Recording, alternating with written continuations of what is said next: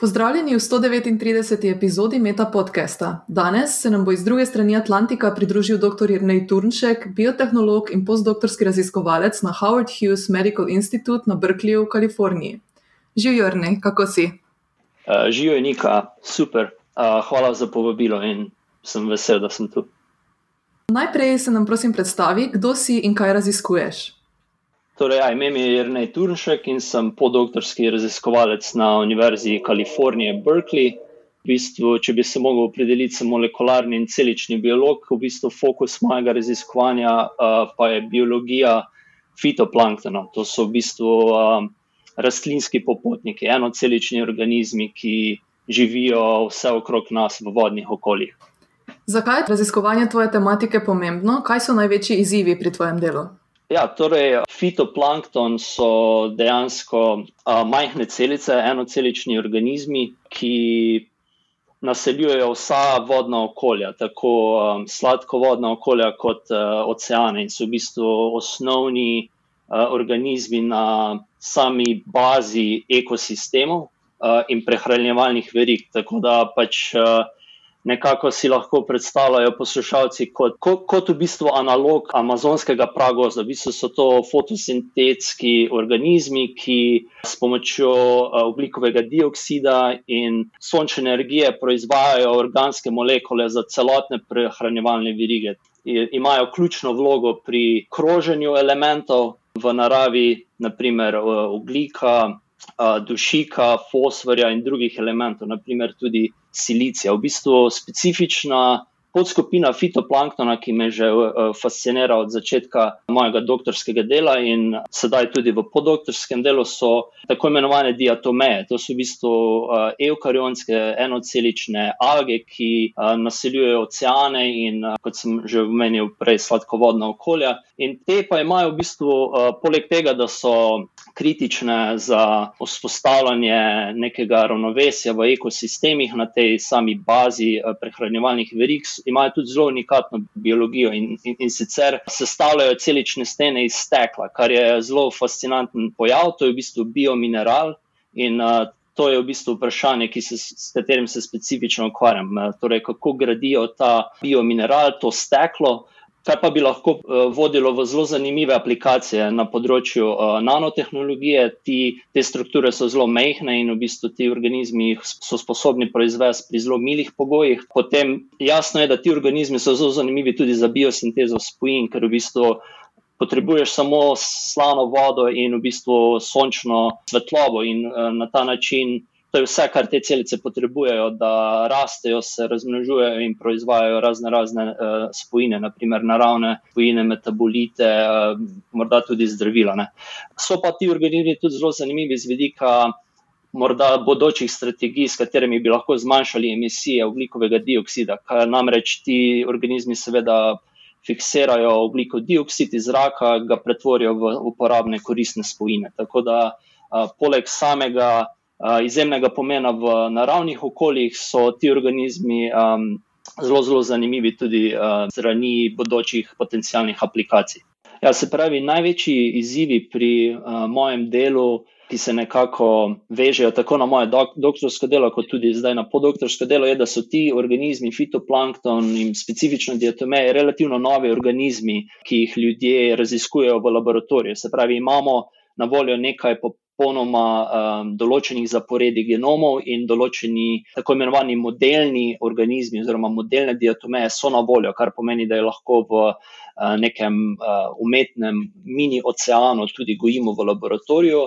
Ampak uh, samo njihovo raziskovanje je oteženo, ker nimamo veliko molekularnih orodij na voljo za vnos genov in tako naprej. Kot naprimer za nekatere bolj ustaljene modelne organizme, kot je naprimer kvasovka ali pa bakterije ali pa eh, človeške celične kulture in tako naprej. Tako da se v bistvu na. V celotni svoji poti nekako hodim na robu med uh, razvojem teh orodij, ki mi in bodo skupnosti dejansko omogočila raziskovanje uh, biologije. Tako da ta hoja po robu med razvojem orodij in pa hkrati uh, vprašanji, specifični vprašanji, je nekaj, kar uh, me vse čas uh, že spremlja. Tako da zdaj, v, v, od, od zaključka doktorata, pa nekako do te točke, sem v bistvu uspel ne popolnoma na novo razviti, ampak vzpostaviti v našem laboratoriju specifično metodo, ki. Dejansko je precej nova za vnos genov v eno to modelno diatomejo.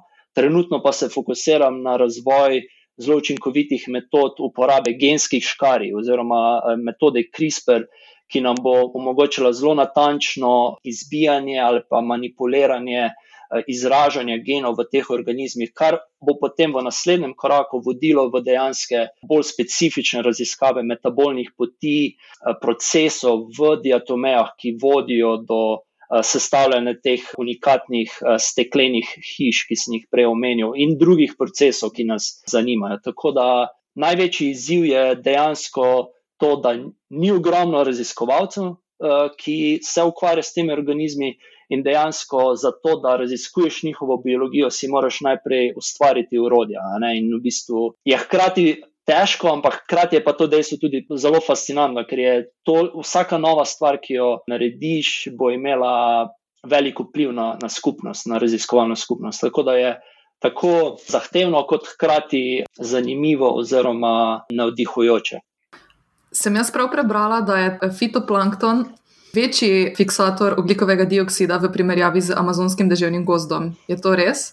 V bistvu um, prav specifične študije trenutno nimam uh, ravno na voljo, oziroma se, se ne spomnim, pa nekako v, v člankih, uh, tudi v nekako popularno znanstvenih člankih, je ta primerjava uh, nekako izpostavljena. Zdaj, um, v, v bistvu zavedanje, da, da, da, da v, bistvu v vseh okoljih ti organizmi pripomorejo k fiksiranju oglikovega dioksida do te res velike mere, ki je primerljiva z gozdovi, v bistvu že samo to spoznanje je um, pač izjemno pomembno in v bistvu eden izmed razlogov, zakaj se znanstveniki vedno bolj posvečajo tem organizmom uh, z različnih vidikov. No.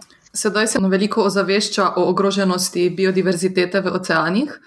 Ali je morda plankton tudi ena izmed teh ogroženih vrst, na katere vplivajo podnebne spremembe, ali je bolj robusten sistem, ki še zaenkrat ni ogrožen? Odgovor je, da definitivno tudi ti organizmi so ogroženi. V bistvu zdaj, če, če se navežem na eno drugo podskupino fitoplanktona, ki svoj, svoje celične stene gradijo iz eh, kalcijevega karbonata, naprimer ta, eh, ta biomineral je. Um, pač precej bolj občutljiv na spremembe um, uh, pH ravnovesja uh, in uh, kislosti v, v oceanu. Namreč uh, z povečanjem količine oglikovega dioksida v zraku se uh, to ravnovesje, uh, kislinsko-alkalno ravnovesje v morju, pač ruši in posledično imajo ti organizmi in tudi v bistvu ostali organizmi. Probleme pri, pri gradni teh uh, skeletov, kar pomeni, da se teže uh, razmnožujejo, da v bistvu težje živijo, in posledično ima seveda to tudi vpliv na ostale nivoje ekosistema, ne? ker to v bistvu, kot sem že omenil, ti organizmi so na sami bazi, ko v bistvu vse organski material pripeljejo iz atmosfere v neko biosfero ne? in ima jasno. Te okoljske spremembe imajo neposredno vpliv na biologijo teh organizmov.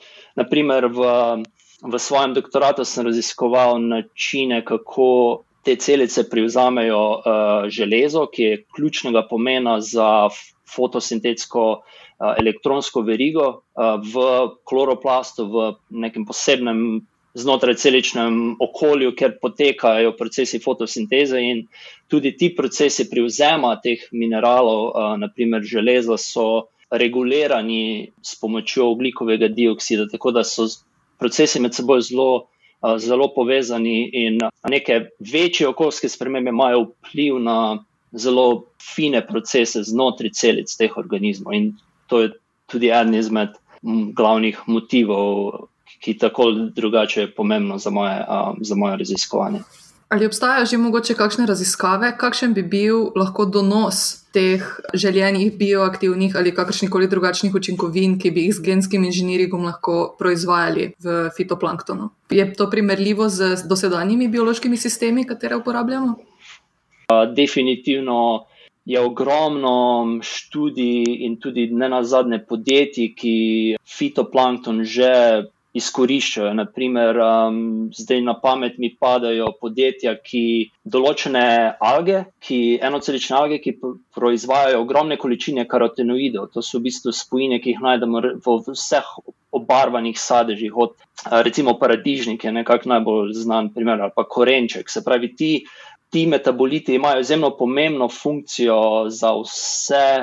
Eh, no, za vse organizme, ampak posebno za alge z vidika zaščite pred uh, pretirano sončno svetlobo. So posebni mehanizmi v teh organizmih, ki jim nekako omogočajo, da se zoprstavljajo fluktuacijam oziroma nihanjem svetlobe v, v okolju. Ampak kot posledica, nekateri organizmi proizvajajo ogromno teh karotinidov in eh, so določene biofarme, recimo, ki v, v velikih bazenih v bistvu gojijo te alge in potem proizvajajo dejansko um, nutraceutike, torej učinkovine, ki so nekako dodatki k prehrani. In recimo, to je en tak uh, primer uh, naravnih uh, učinkovin na osnovi. Biologije teh, teh alg, ki, ki so že v, v industrijski uporabi. Zdaj, um, Jasno pa lahko razmišljamo tudi o recimo, uporabi genskega inženiringa. Naprimer, ena, ena stvar, ki pade na misel, je proizvodnja proteinov v teh organizmih. Naprimer, v diatomejah so skupine, ki se ukvarjajo specifično z razvojem algnih sistemov za produkcijo proteinov. In tu, ko govorimo o proteinih, so to lahko bodi si biofarmaceutiki, bodi si učinkovine, ki bi lahko vodile do razvoja novih cepiv in tako naprej. In so tukaj ogromno, ogromno potencijalov, še neizkoriščenih, ampak kot skupnost pa sigurno stopamo proti tej prihodnosti, ker pač lahko s pomočjo dosti enostavnih eh, sistemov gojenja te celice v bistvu proizvedajo, kar želimo. Zelo zanimivo.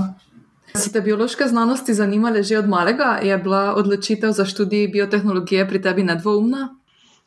v bistvu je odgovor pravzaprav ne, ker uh, sem nekako kolebo med zelo različnimi opcijami, med drugim, po mojem, v nekem uh, paralelnem svetu, sem morda celo matematik, ker sem takrat uh, zelo razmišljal celo o študiju matematike, tudi medicine.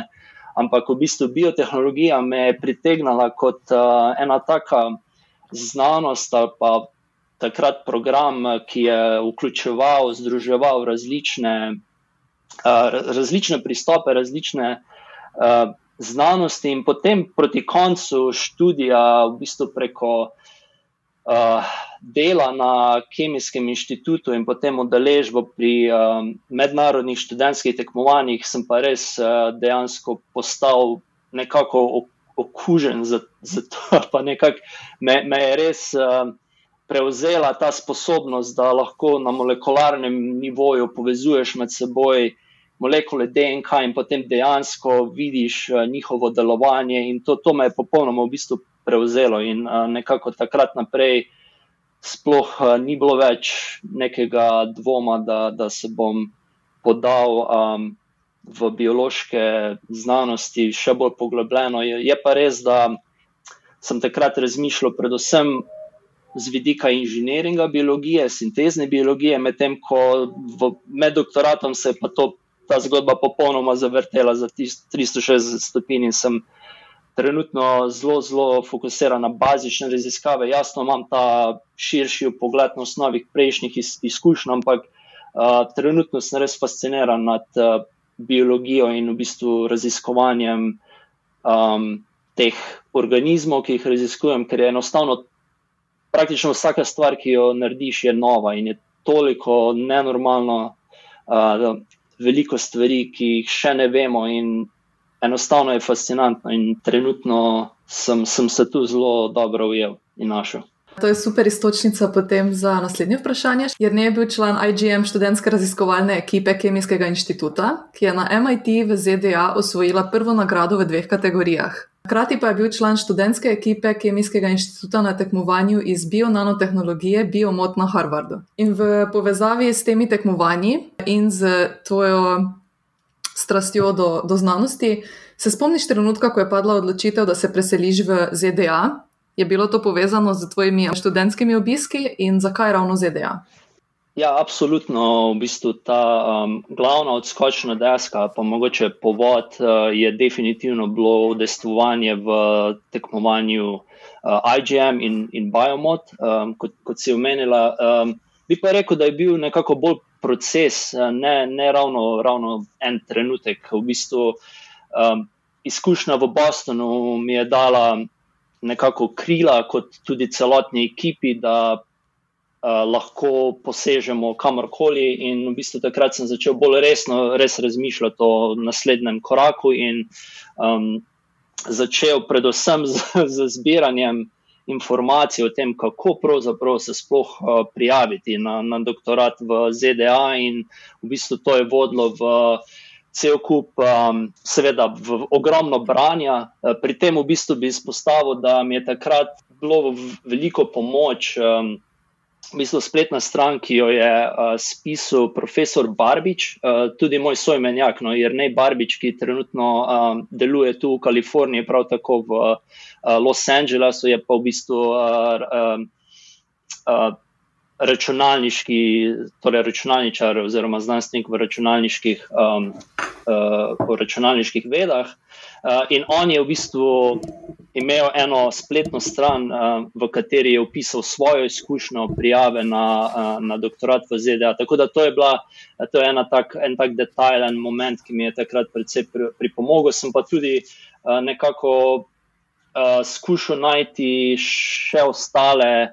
Znanstvenike, raziskovalce, ki so tako ali drugače imeli neko izkušnjo z Ameriko, tako da sem si ustvaril sliko o tem, kako bi bilo, če dejansko tudi sam uh, stopim na to pot. Bi pa omenil, da v bistvu najprej v prvem ciklu prijav, to je bilo kar precej kmalo po IGM-u, sem bil popolnoma neuspešen. Torej, v bistvu sem se prijavil na morda 6-7 eh, programov v ZDA in v bistvu prva uh, izkušnja je bila popolnoma negativna, Ni, v bistvu nisem dobil niti enega intervjuja, tako da sem potem um, jasno nadaljeval z delom v, v Sloveniji. Kemijskem inštitutu, potem se v bistvu nekako začel fokusirati na določene programe v Evropi. Ta želja, da pač stopim na tuje, je, je bila močna. Nekako sem si želel ene izkušnje iz tujega okolja, um, tako zaradi znanstvenih razlogov, kot tudi zgolj zaradi neke osebnostne moče rasti. Uh, in sem uh, iskal potem opcije tudi v Evropi, uh, in v bistvu bil nekako sem imel na voljo začetek doktorata v, eh, v Švici takrat, potem hkrati pa sem na osnovi tekmovanja IGM imel priložnost se prijaviti na prakso v podjetje v, v Bostonu. In sicer ta povezava je pa namreč v tem, da je na tem tekmovanju določena komisija, ki je ocenjevala naš projekt, nekateri člani so bili ustanovitelji tega takrat zelo mladega podjetja v Bostonu. In na osnovi te povezave uh, sem potem se odločil, da v bistvu bi bilo smiselno, da grem na prakso in potem uh, morda poskusim še enkrat s prijavami, kar se je v bistvu izkazalo za ključno. Namreč imeti neko izkušnjo iz okolja, kamor se potem prijavljaš na doktorat. To mislim, da je potem bil. Uh, Je nekako bilo ključno na tej tehnici, uh, ki mi je potem v drugi um, fazi prijavil. To je bilo potem eno leto kasneje, oziroma dve leti kasneje, mi potem um, je vodilo do nekaj intervjujev in posledično tudi ponudbe za doktorat v ZDA. Aha, torej, nikoli ni bil tvoj plan, da greš v industrijo, temveč je bila industrija za tebe samo kot neka odskočna deska. V bistvu zdaj, nekako, ko gledam nazaj, bi, bi lahko temu tako rekli. V bistvu, takrat je v bistvu moja, moje dodiplomsko delo bilo zelo, zelo povezano z, z tem podjetjem oziroma z nekakšno proizvodnjo spojin v bakterijah, in v bistvu je bil dober, dober fit takrat za, za, moje, za moje tedanje znanje in tedanje izkušnje. Potem pa sem v bistvu sam preko tega, preko te izkušnje ugotovil, da si ne želim, da bi to bila nekakšna moja končna destinacija, in sem pač želel iti na doktorat. No. In kako si prišel ravno do doktorata na Harvardu? Je bila selekcija velika, koliko intervjujev si mogel opraviti? V bistvu nimam ravno natančne informacije, koliko ljudi se je prijavilo in um, koliko so jih v končni fazi izbrali. Vem, recimo, da smo v, naši, v našem letniku bila dva evropejca, ena kolegica iz Nemčije in, um, in, in jaz. Težko je nekako reči, zaupanje tudi vase. Um, skozi celoten proces, pa ta praksa, ki sem jo že omenil v Bostonu. Ne, se pravi, čist konkretno en splet dejavnikov, ker mogoče to, da sem šel v Boston je bila samo tista kapljica, ki mi je pri, pripomogla k sami, sami prijavi. Sem pa v bistvu svojo, nekako sem si tako rekel, da če grem v ZDA, potem si res želim iti na te top programe v takrat smeri sintezne biologije, ker to je bil nekako moj, moj, moj cilj ali pa moja uh, takratna pot, ki se je pa potem spremenila v začetku doktorata v, torej k bolj um, bazičnim raziskavam na osnovi vprašanj, ki so me začela res fascinirati, tako čisto na bazični osnovi. Tako da tako nekako. No. Kako bi pa primerjal proces raziskovalnega dela ter samo dinamiko v raziskovalnih skupinah med ZDA in Slovenijo? Težko zelo natančno komentiram, ne, ker sem eh, v Sloveniji v bistvu preživel precej kratek čas raziskovalno, torej nekako samo dve leti. Ampak mislim, da nekih zelo fundamentalnih razlik niti um, niti ni. Recimo stvari, ki jih opažam, oziroma sem jih opazil tu v ZDA, pač skupine se nekako raz, razdelijo na podskupine, glede na specifičen fokus. Uh, se pravi, vsak enkrat do dvakrat uh, mesečno se te podskupine nekako dobijo, raz, razčlenijo nek uh, proces dela oziroma rezultate in uh, nekaj stvar, ki sem jo opazil tako v Sloveniji kot tu poročila dela, se pravi, vsak uh, član laboratorija uh, ima priložnost predstaviti svoje delo pred skupino. Tako da so definitivno je precej podobnosti.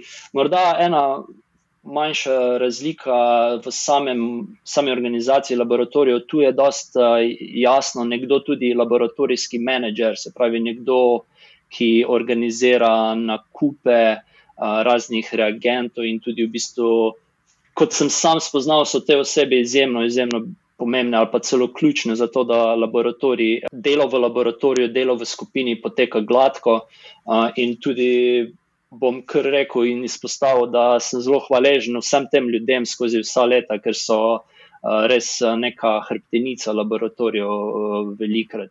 Morda še ena razlika, ki pa ni, je v bistvu samo dejstvo, da sem se tu v ZDA gibal v, v mestih, ki so znanstvena vozlišča in nekako morda je lažje najti, uh, potrkati na kakšna vrata in vzpostaviti neko povezavo, kot pa nekje v Sloveniji. Čeprav uh, jasno, tudi v Sloveniji, na, če nekako razširiš svoj. Pogledaš na celotno Evropo, Evropsko unijo in cel, ne na zadnje cel svet, ker znanost itak nima, nima jezika. Ne, je, je v bistvu iz tega vidika, niti ne vidim nekih omejitev, je pa morda tu nekoliko lažje, zgolj zaradi ogromnega prostora in ogromne baze raziskovalcev, ki se vse čas pretakajo. Kar se same kvalitete dela tiče, in tako jaz mislim, da tu ni slovenska znanost izjemna, in uh, mislim, da tu ni nek, nekih ogromnih razlik. Lepo.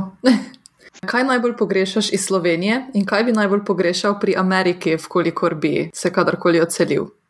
V bistvu tukaj bom uh, odgovoril nekako dosti diplomatsko, v smislu, da sem res zamenil že veliko okolje v preteklih desetih letih. Šel sem dobro iz Slovenije, potem pa tudi v ZDA sem živel tako v Bostonu, kot San Diego, kot zdaj tu v okolici San Francisca. In v bistvu nekako moja filozofija ali pa načelo oziroma vodilo je, da skušam iz dane situacije, ne glede na to, kje sem geografsko, enostavno potegniti največ. Tako da se mi zdi, da ne, ne želim razmišljati o tem, kaj pogrešam, ampak enostavno se samo osredotočim na to, kaj imam v, v tr tem trenutku v svojih rokah in kako me bo to pognalo naprej, do naslednjega koraka, do naslednje raziskave, do naslednjega rezultata. No.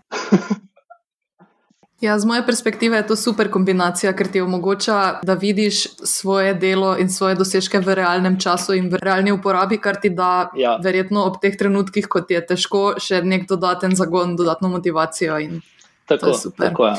Poslušalce, ki ne veste, metoda, o kateri je govoril Jrnej, CRISPR-Cas, izumiteljici sta lani dobili Nobelovo nagrado. Je tako? Predlani. Predlani. 2020. Predlani dobili Nobelovo nagrado. Tako. Prehitro čas. Ja, ja, ja. Ali se spomniš kakšne zabavne ali zanimive anekdote povezane s svojim mentorjem ali doktoratom? Ja, ena, recimo, dosti nenavadna stvar je, da sem več kot polovico svojega dok- doktorata na Harvardu preživel v San Diegu. In sicer um, se je nekje sredi um, moje dok mojega doktorata pojavila priložnost za sodelovanje z laboratorijem na inštitutu Scripps za oceanografijo v San Diegu. In glede na to, da v Bostonu sem nekako samo oral ledino, pač delal s temi organizmi, medtem ko ta laboratorij je pa imel že neko zgodovino uh, razvoja in dela s temi organizmi, sem potem nekako uh, se odločil za premik v Južno Kalifornijo, ki je potem res dal zagon in krila mojemu delu in doktoratu. Tako da to je ena taka, recimo, uh, nenavadna uh, geografska malenkost note doktorata. Medtem ko, kar se tiče pa same, uh, samega dela v Bostonu, spomnim se, da moja popolnoma prva predstavitev uh, svojega dela pred laboratorijem takrat je bila izrazito predolga. Kar pomeni, da sem nekako bil pre, pretirano navdušen nad tem, kam me bojo vodile poti, in sem zajadril precej pregloboko v detajle, in nekako ljudje so začeli odhajati. V bistvu je bilo več kot dve uri. Oh, wow. in, um, v bistvu, si bil deležen marsikaterega sem, grdega pogleda. Sem, sem, sem bil deležen marsikaterega grdega pogleda in kakšne kritike, ampak si pa upam trditi, da sem od takrat postal precej bolj osredotočen pri tem, kaj predstavim in kako predstavim. In, um, zdaj mi tudi ni problem uh, več mesecev dela spraviti v en, uh, eno prosojnico. Kar pa je bilo v začetku doktorata, mog, mogoče mi še, uh, še ne toliko jasno, in to je bila ena taka izkušnja za samega začetka. Medtem ko zdaj bližje sedanjemu trenutku, pa je v bistvu izkušnja iz samega začetka mojega podoktorskega raziskovanja in sicer to je bilo julija 2020, ko sem se pridružil uh, skupini Krisa Nijogija tu na uh, Univerzi v Kaliforniji, Berkeley. In sicer, ko sem ga prvič srečal, seveda smo bili vsi uh, v, v maskah in tako v bistvu v sorazmerno v začetku pandemije in sem ga zamenjal za postdoktorskega raziskovalca v, v laboratoriju in nisem prepoznal svojega mentorja, tako da to je sprožilo precej smeha v tisti situaciji v laboratoriju.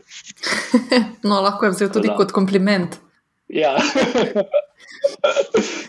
Kako pa so se od vpisa do danes spremenila tvoje pričakovanja glede karierne poti v akademiji in ali bi se ponovno odločil za doktorski študij in akademsko poklicno pot?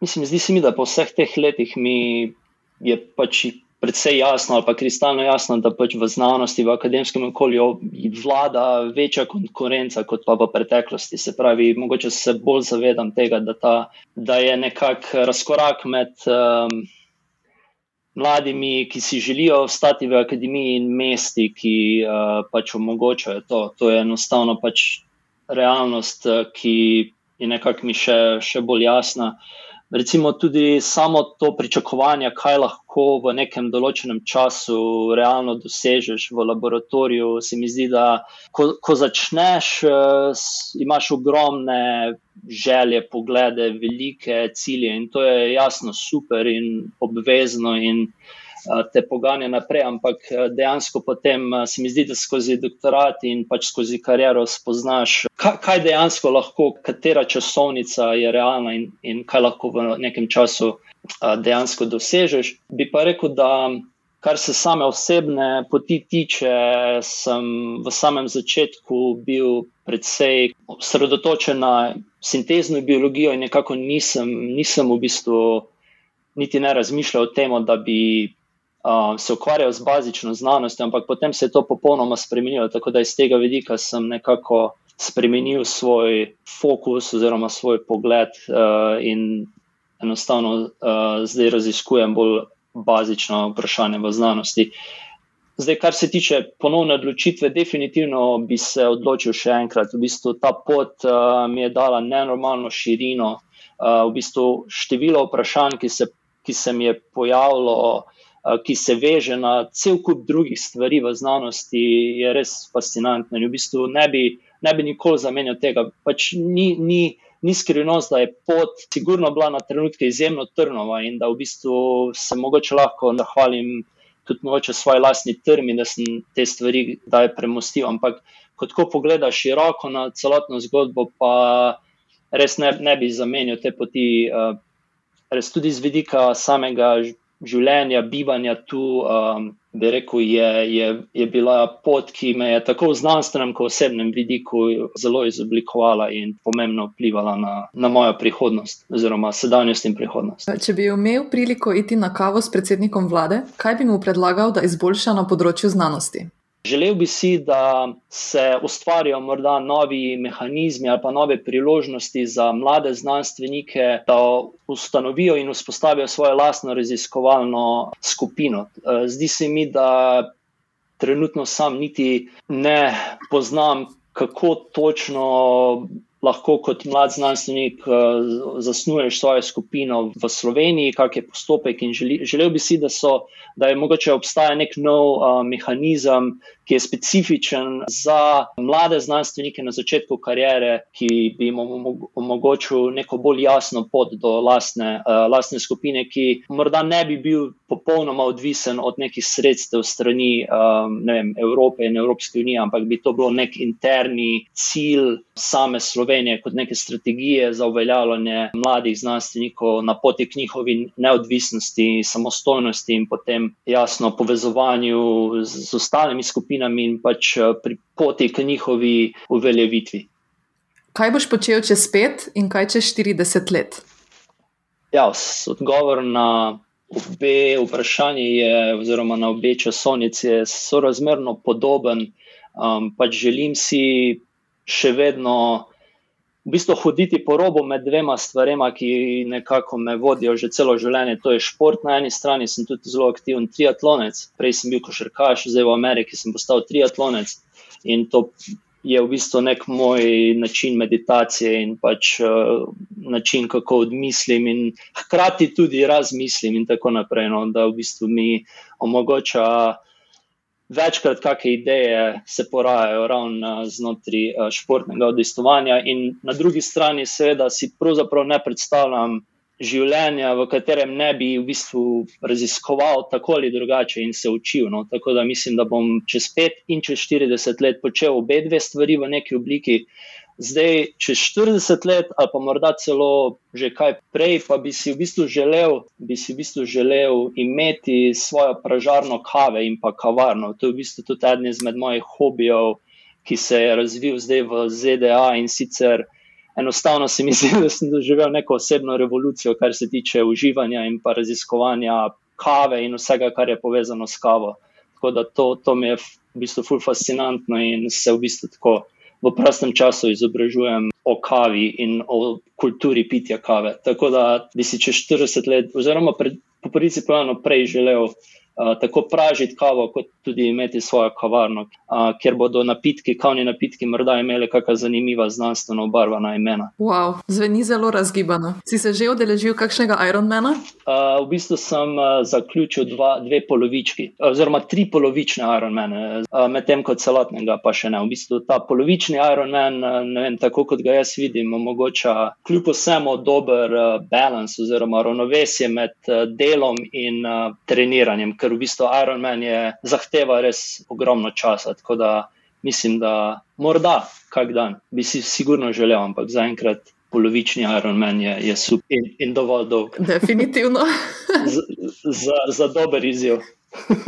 Bi drugim doktorskim študentom oziroma postdoktorskim raziskovalcem predlagal kakšno tehniko za upravljanje s časom ali pa morda računalniški program, ki ti olajša delo in prihrani čas? Bi. in sicer ena tehnika, ki jo občasno prakticiram, se imenuje, in predvidevam, da mnogo poslušalcev jo pozna, se, se imenuje tehnika Pomodoro. In sicer pri tej tehniki v bistvu se osredotočiš na obstajajo določeni programi vem, in, in za pametne telefone in za računalnike, kjer v bistvu se fokusiraš na delo za 25 minut. Mislim, da to izvira iz raziskav, ki so prišle do spoznanja, da 25 minut je neko obdobje, v katerem um, je. Oseba lahko zelo jasno, zelo dobro osredotočena, in potem teh 25 minut takoj zamenjaš za 5 minut premora, in nekako alterniraš, oziroma izmenjuješ 25 minut za, za 5 minutami. Tako da to je ena tehnika, ki jo ne, ne redno uporabljam, ampak eh, pri pisanju enega, ene prijave za en projekt, sorazmerno pred kratkim sem to tehniko uporabil. Recimo za brainstorming je zanimiva, ker si rečeš, ok, 25 minut in res eh, izliješ vse na papir, brez nekega. Eh, ustavljanja in distrakcij, in, in je, je učinkovita, in mislim, da je precej široko uporabna. Potem pa par stvari bi omenil, ki sem jih čisto sam nekako razvil ali pa opazil, je to, da se mi zdi, da je dosti pomembno, ko se pribiješ skozi doktorat in tudi nasplošno skozi kariero, najti dobro ravnovesje med sposobnostjo, da rečeš ja in ne, ne. Se pravi, ogromno je možnosti, ogromno je stvari, ki bi jih lahko počel v katerem koli trenutku dneva in, in v bistvu. Sposobnost, da rečeš stvarem ne, je res zelo pomembna sposobnost in bi pravzaprav vsem toplo priporočil. Je, je, je težko, absolutno je na trenutke težko, ker marsikdaj je ta ne vezan na neko avtoriteto, ki mor, morda jo ne želiš razočarati ali karkoli. Ampak je pomembno, da s tem, ko rečeš ne, najdeš neko ravnovesje zase in za svojo življenje in znanost. Tako da bi rekel, to je sorazmerno pomembno in ne, ne poznam načina, v bistvu način, kako se naučiti, to je enostavno, da greš skozi kariero. Odličen na svet. Potem še ena stvar je to, da se mi zdi, predvsem to velja za morda računalniško delo, pa tudi za laboratorijsko, to, da se osredotočiš na eno opravilo. Marsikdaj se znajdemo pred poplavo okn, ki jih imamo odprtih in v bistvu naše misli švigajo k tisočim stvarem, ki, ki si jih želimo narediti. Ne? Ampak v bistvu je bistveno, da si rečeš, ok, najprej bom. To eno nalogo, pa tudi če je še tako majhna, opravil, in potem se preselil na naslednjo nalogo. Tako da ta ideja, da v bistvu multitaskaš in da delaš ogromno stvari hkrati, je morda za koga učinkovita, ampak eh, jaz sem ugotovil, da je zelo smiselno imeti pred seboj eno okno, en program, eno stvar, en fokus in najprej to opraviti in potem se uh, preseliti na novo nalogo, uh, do katere pristopiš na isti način. In na ta način si lahko gotov, da bo tvoj napredek zelo merljiv in zelo jasen. To je še ena uh, stvar. Zadnja bi pa rekel, da kadar obtičiš, ker mi ne. Na, Vsak od nas obtiči, bodi si v pisanju, bodi si v razmišljanju, bodi si v nekem delu, v laboratoriju ali na računalniku. Takrat, ko obtičiš, včasih je smiselno skušati prebiti ta let, pred katerim si obtečal, včasih je pa smiselno reči, ok, grem na sprehod, grem morda zamenjaš eh, delo in delaš nekaj popolnoma drugega, da se osvežiš, ker na ta način potem, ko prideš nazaj do izhodiščne naloge, jo boš videl v neki novi luči in bo lažje. Priporočilo za knjigo, igro, film, spletno stran ali podcast?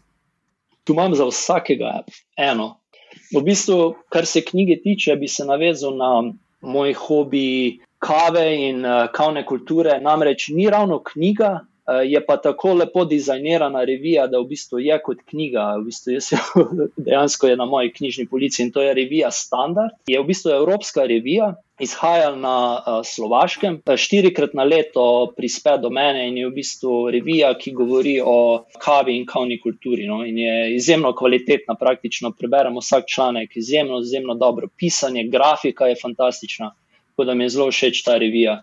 Kot knjigo bi pa omenil knjigo Franceta Cokana.